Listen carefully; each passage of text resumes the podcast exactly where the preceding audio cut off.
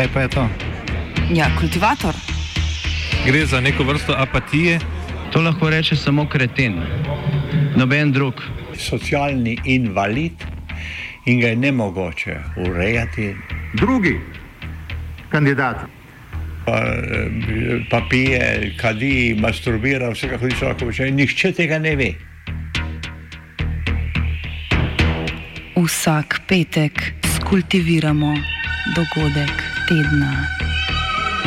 Lahko po kriterijih radio študent, težko pa po evropskih kriterijih. Ampak na drug način, kot vi to mislite. Kultivator vedno užge. da pač nekdo sploh omenja probleme, ki so in da pravzaprav sploh nekdo sproži dogajanje uh, v družbi. To drži, drži. Sledeč zapis je prevod iz knjige Himalajski spodrsljaj, ki jo je napisal John Delvey, poveljnik sedme brigade indijske vojske, ki se je znašla na prvi fronti kitajsko-indijske vojne leta 1962. Knjiga je bila objavljena leta 1968.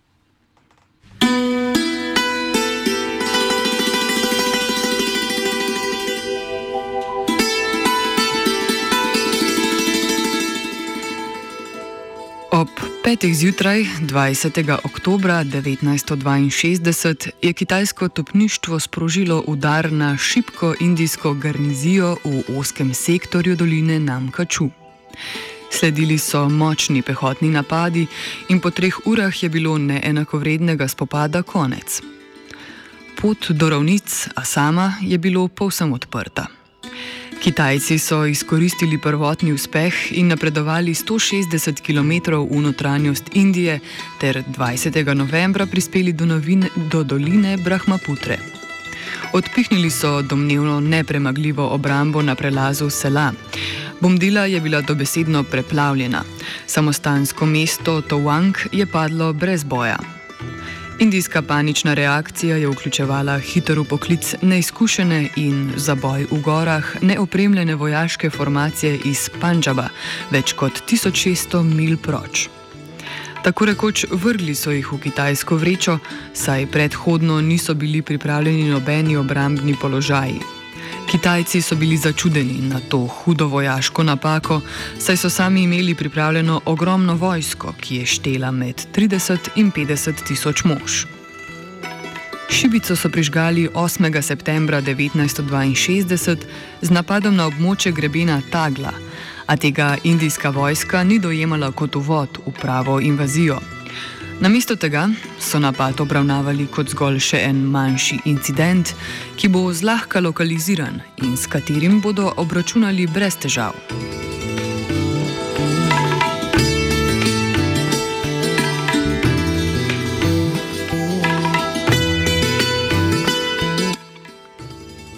Kratek vojaški spopad je zatresel politične in vojaške temelje Indije in vanje vnesel mentaliteto poražencev. Ljudje so izgubili vero v vodstvo.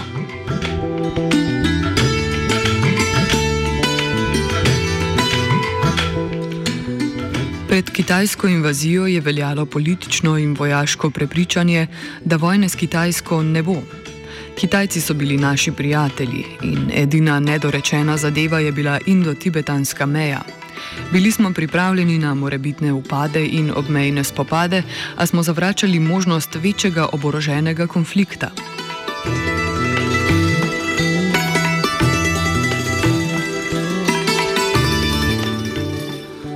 Indija je bila zato povsem presenečena v strateškem, političnem in diplomatskem smislu. Ni bilo celovitih političnih ciljev, ne velike strategije.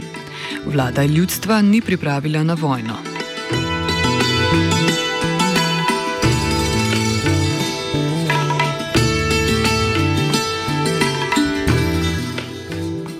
Prvotni odziv na kitajsko invazijo sta bila šok in obsojanje. Indijski predsednik Sarvepali Radakrisnan je povzel občutke ljudstva, ko je dejal: Bili smo malomarni in lahkoverni.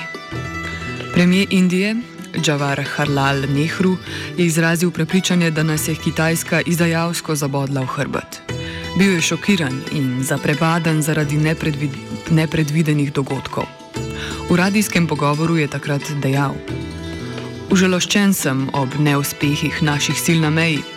Bili so premagani z velikim številom vojakov, težke artilerije, topov in mortarjev, ki jih je Kitajska pripeljala s seboj.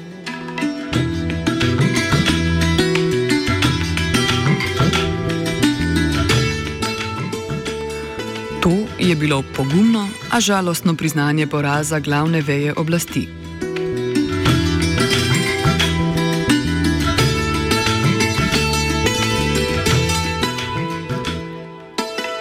Je bila onemogla, njena zunanja politika v razsulu, njeno razvijajoče se gospodarstvo ustavljeno in njeno politično ter vojaško vodstvo diskreditirano. Val začudenja in jeze je prevzel državo. V preteklih letih so ljudje poslušali pol resnice in prenagljene obljube, ki naj bi prebivalstvo prepričale, da je Indija pripravljena na obračun s Kitajsko. Celo v času največje krize septembra in oktobra leta 1962 so od oblasti prihajale bojevite in samozavestne izjave o deložaciji Kitajcev z eno hitro, ostro potezo.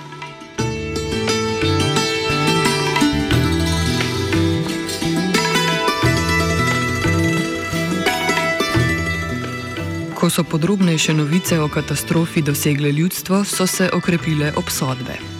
Odločnost in celovitost našega poraza je boleče razkrilo dejstvo, da so nas ujeli med spancem, na to pa smo se poskušali z blefiranjem izvleči iz krize, ki smo jo deloma sami zakrivili.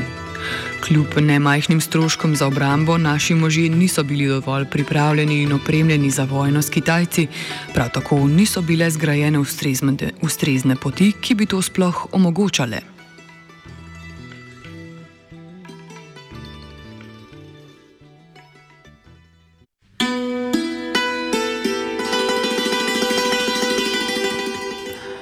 Obsojanju je sledil obup.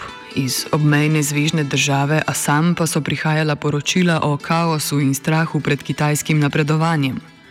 Poročila so pričala o pritožbah ljudi nad delom oblasti.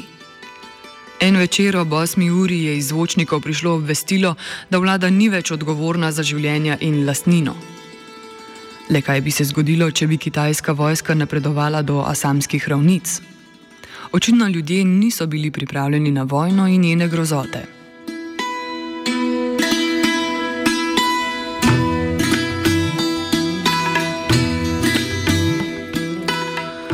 Po naših porazih so morale pasti glave. Gospod Menon, kontroverzni obravni minister, je odstopil 7. novembra, kljub temu, da ga je želel njegov mentor Nehru zadržati. Slednji se je moral prvič v času svoje vladavine podrediti ljudstvu, ta dogodek pa je imel dolgoročen vpliv na indijsko politično sceno. Načelnik general štaba, general Pran Nad Tapar je odstopil iz zdravstvenih razlogov, nagrajen pa je bil z mestom veleposlanika v Afganistanu.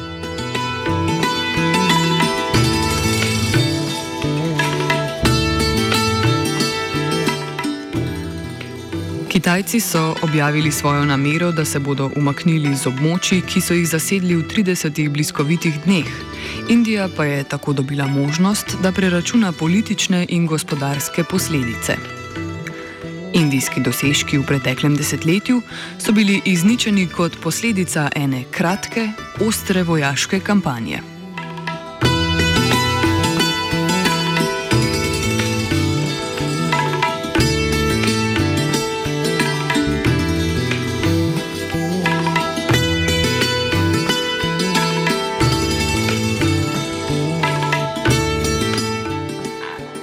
John Delvi je bil med kratkoročnim spopadom zajet, v domovino pa se je vrnil šele leto pozneje.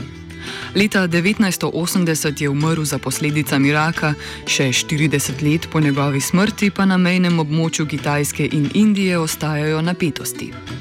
Ta teden je prišlo do najhujših spopadov med vojskama vse od teh jesenskih dni leta 1962. Če se je takrat zaiskrilo na severovzhodu Indije, pa je tokrat prizorišče konflikta severozahodna meja. V obeh primerih pa razlog ni toliko sama meja kot, nek drugi politič, kot neki drugi politični spori. V 60-ih je bila to kitajska ekspanzija v Tibet in podpora Indije tibetanskim voditeljem tudi v obliki podeljevanja azila Dalajlami. Tokrat pa gre za posredni geopolitični spopad za vpliv v tem delu sveta. Govori novinar Bertil Lindner. It's not about the border. The border has nothing to do with it. It's not the issue.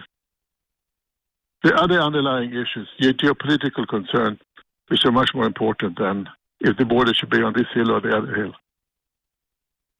It's a distraction to try to focus on uh, nitty gritties of border demarcation. That is not the issue at all.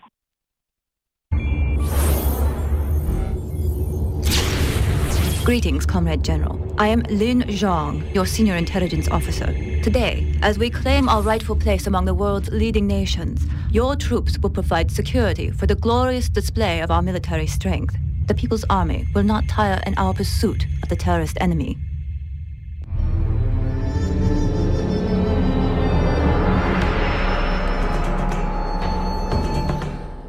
Znameniti fizik Albert Einstein je nekoč dejal: Za tretjo svetovno vojno ne vem, v četrti svetovni vojni pa se bodo spet bojevali s ulicami in loki.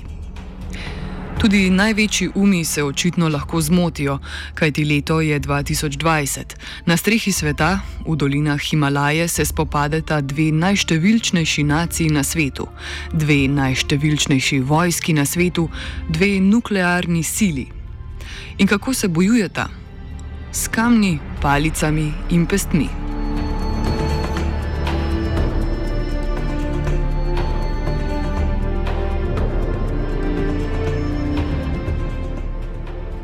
Pesti so tokrat pele ob tako imenovani liniji dejanskega nadzora, bolje znani s kratico LAC, Line of Actual Control. Ta termin je uveljavil kitajski premijer Zhu Enlai v pismu indijskemu kolegu Nehruju leta 1959. Gre za ohlapno demarkacijsko mejno območje. V ožjem pomenu, s katerim bomo operirali v današnjem kultivatorju, gre za sporno območje severno od Ladaka, kjer Indija kot naslednica kolonialne britanske Indije sledi tako imenovani McMahonovi liniji, ki jo je leta 1914 zarisal Sir Henry McMahon med takratno kolonijo in neodvisnim Tibetom.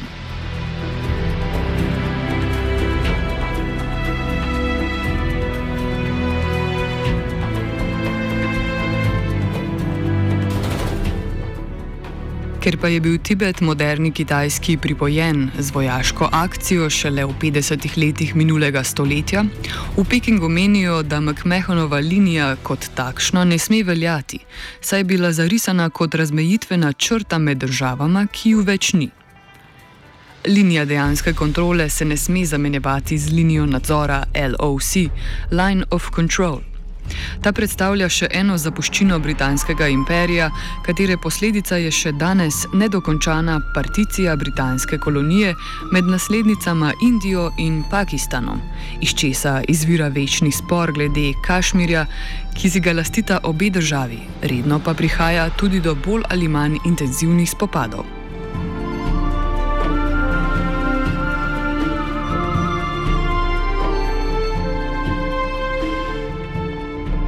McMahonova linija ni tako sporna in tudi ni bila povod za tako krvave spopade, pa vendar vse do danes ostaja ključno breme v indijsko-kitajskih bilateralnih odnosih.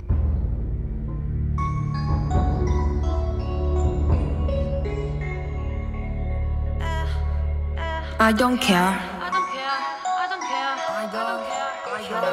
난 상관없어. Da se tam gori nekaj kuha, je postalo jasno, ko so v javnost pricurjala prva poročila o obmetavanju s kamni na obalah jezera Pangong na 4350 metrih nadmorske višine. V naslednjih dneh in tednih je bilo več indijskih vojakov napotenih v bolnišnice na severu države, medtem pa kitajski tisk o incidentih molči. Čeprav so vladni mediji severne strani meje priznali, da je prišlo do zaostritve odnosov, so pa skopi z dejanskimi informacijami o dogajanju.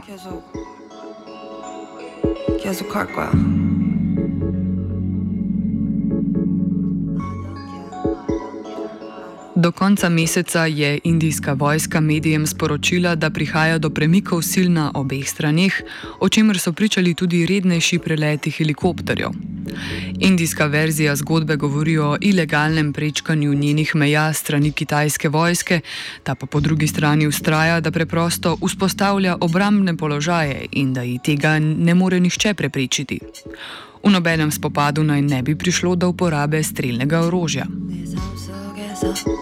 내 속에서 내 속에서 내 속에서 내 속에서 Ne na zadnje se zdi, da je bilo tako tudi ob najresnejši eskalaciji, ki se je zgodila v noči z 15. na 16. juni, ko je konfrontacija dveh obmejnih patrulj rezultirala v fizičnem spopadu okoli 600 vojakov, ki je trajal kar 6 ur. Indijska vojska je poročala o smrti 20 vojakov, ki so umrli zaradi paca v bližnji prepad, v manjši meri pa tudi zaradi podhladitve ali poškodb. Kitajska uradnih podatkov o žrtvah ni objavila.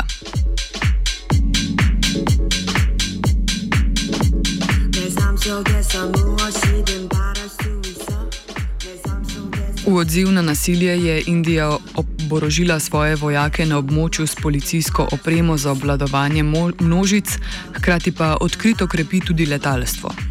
Kitajska ostaja tiho. Z vrha obeh vlad pa v minulih dneh prevladujejo pozivi k umiritvi duhov. Indija je sicer medtem na območje Ladaka že poslala prvo pošiljko 16 tisoč delavcev, katerih naloga bo, da dokončajo projekt gradnje obmejne ceste, ki gre v nos Kitajcem, pa tudi Nepalcem, a o tem nekoliko kasneje. Kitajska vojska je medtem v znamenje dobre volje izpustila deset indijskih vojakov, ki so jih zajeli v masovnem pretepu nekaj dni prej.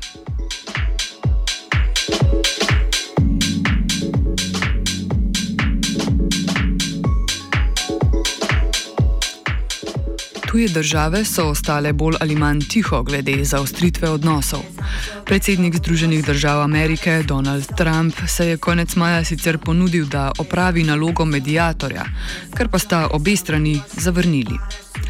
Če se še kaj, če se je kaj naučiti iz njegovega posredovanja pri vprašanju Palestine, bi bil njegov predlog brškone enostranski in zgolj po volji Indije. Trump svoje neodobravanje dovedenja Kitajske izraža neprestano. V indijskem premijeju Narendi Modiju pa je našel dobrega zaveznika, ki je, tako kot on, nacionalist in ksenofob. V takšnem duhu se je tedni v Indiji okrepila kampanja bojkota kitajskih izdelkov, ki pa z izjemo zabavnega videa, kjer indijski moški z balkona meče lastno televizijo, ne uživa širše podpore. Abiki bar, Trump, Sarkar.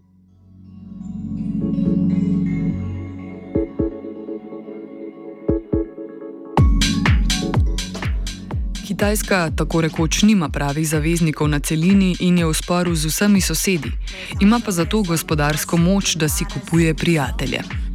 Indija je prav tako ostala relativno osamljena na zemljevidu, ima pa zato prijatelja v Beli hiši. Well, China is, of course, interested in exerting its political influence across the globe. You've got the Belt and Road Initiative, which goes you know, way beyond the region, and is not only about building bridges and railways and ports. So China is a rising superpower, and a superpower that is increasingly even challenging the United States. So it is not just a question of trade; it's a question of being great or greatness. And uh, for Xi Jinping, I think that's very important. India is more of a regional power. They don't have much influence outside the immediate region. But they do have uh, friendly relations with, for instance, Afghanistan and the Maldives than they have with uh, Nepal and Sri Lanka, and Bangladesh. Then we got Bhutan, which is uh, very close to, to, India in a number of uh, aspects, but where China again is trying to move in and try to snatch Bhutan from India's sphere of influence in the way they managed to do that with Nepal. These are geopolitical rivalries, and that is what the border, border conflict or border clash is all about, not about border demarcation.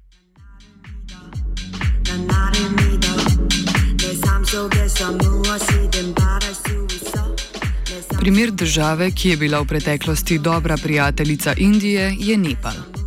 Prav ko se njena južna soseda ukvarja s kitajskim mejnim vprašanjem, pa je nepalski parlament dolil olje na himalajski ogenj z novim zemljevidom najvišjega gorstva na svetu.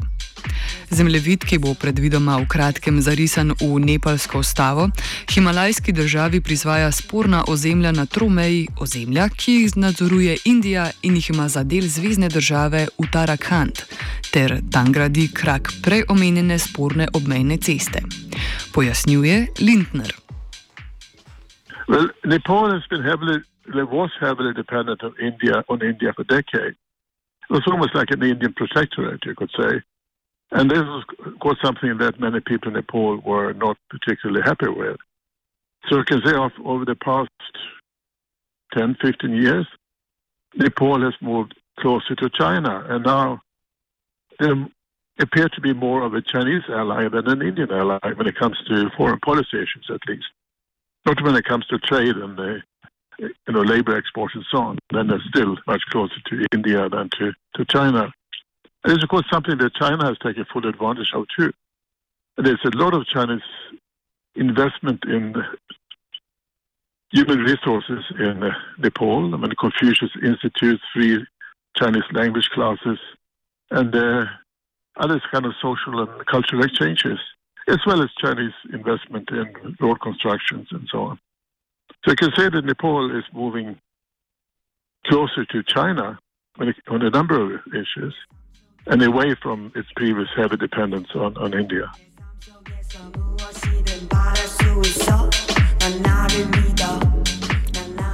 Da dokončamo puzzle himalajske geopolitike, pa se moramo še vprašati: in Bhutan? Himalajsko kraljestvo se že tradicionalno izogiba teritorijalnim sporom. Z Indijo ohranja zdrave stike, medtem ko severne sosede sploh ne priznava in ima zaprto mejo s Kitajsko že 60 leti. Za državo, ki uradno meri kvaliteto življenja z indeksom bruto domače sreče, je mir edina izbira. Zdi se, da tudi za države, ki kot vodilo uspeha raje uporabijo bruto domači proizvod, ni veliko drugače. There's certainly a lot of anger in India over what, what has happened, and uh, it remains to be seen what steps the government will take. If we, but they, they would have to diffuse it because of economic reasons. Trade between the two countries cannot be disrupted. There are a number of issues which are more important than uh, you know what's happening in Ladakh right now, even more important than the sort of geopolitical rivalries, and that is the economic survival of countries like India and China now in you know, in the post COVID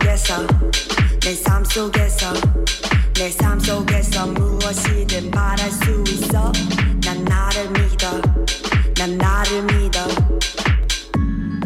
Striho sveta je preučeval Katalinič. 내 속에서 무엇이든 바랄 수 있어 난 나를 믿어 난 나를 믿어 난 나를 믿어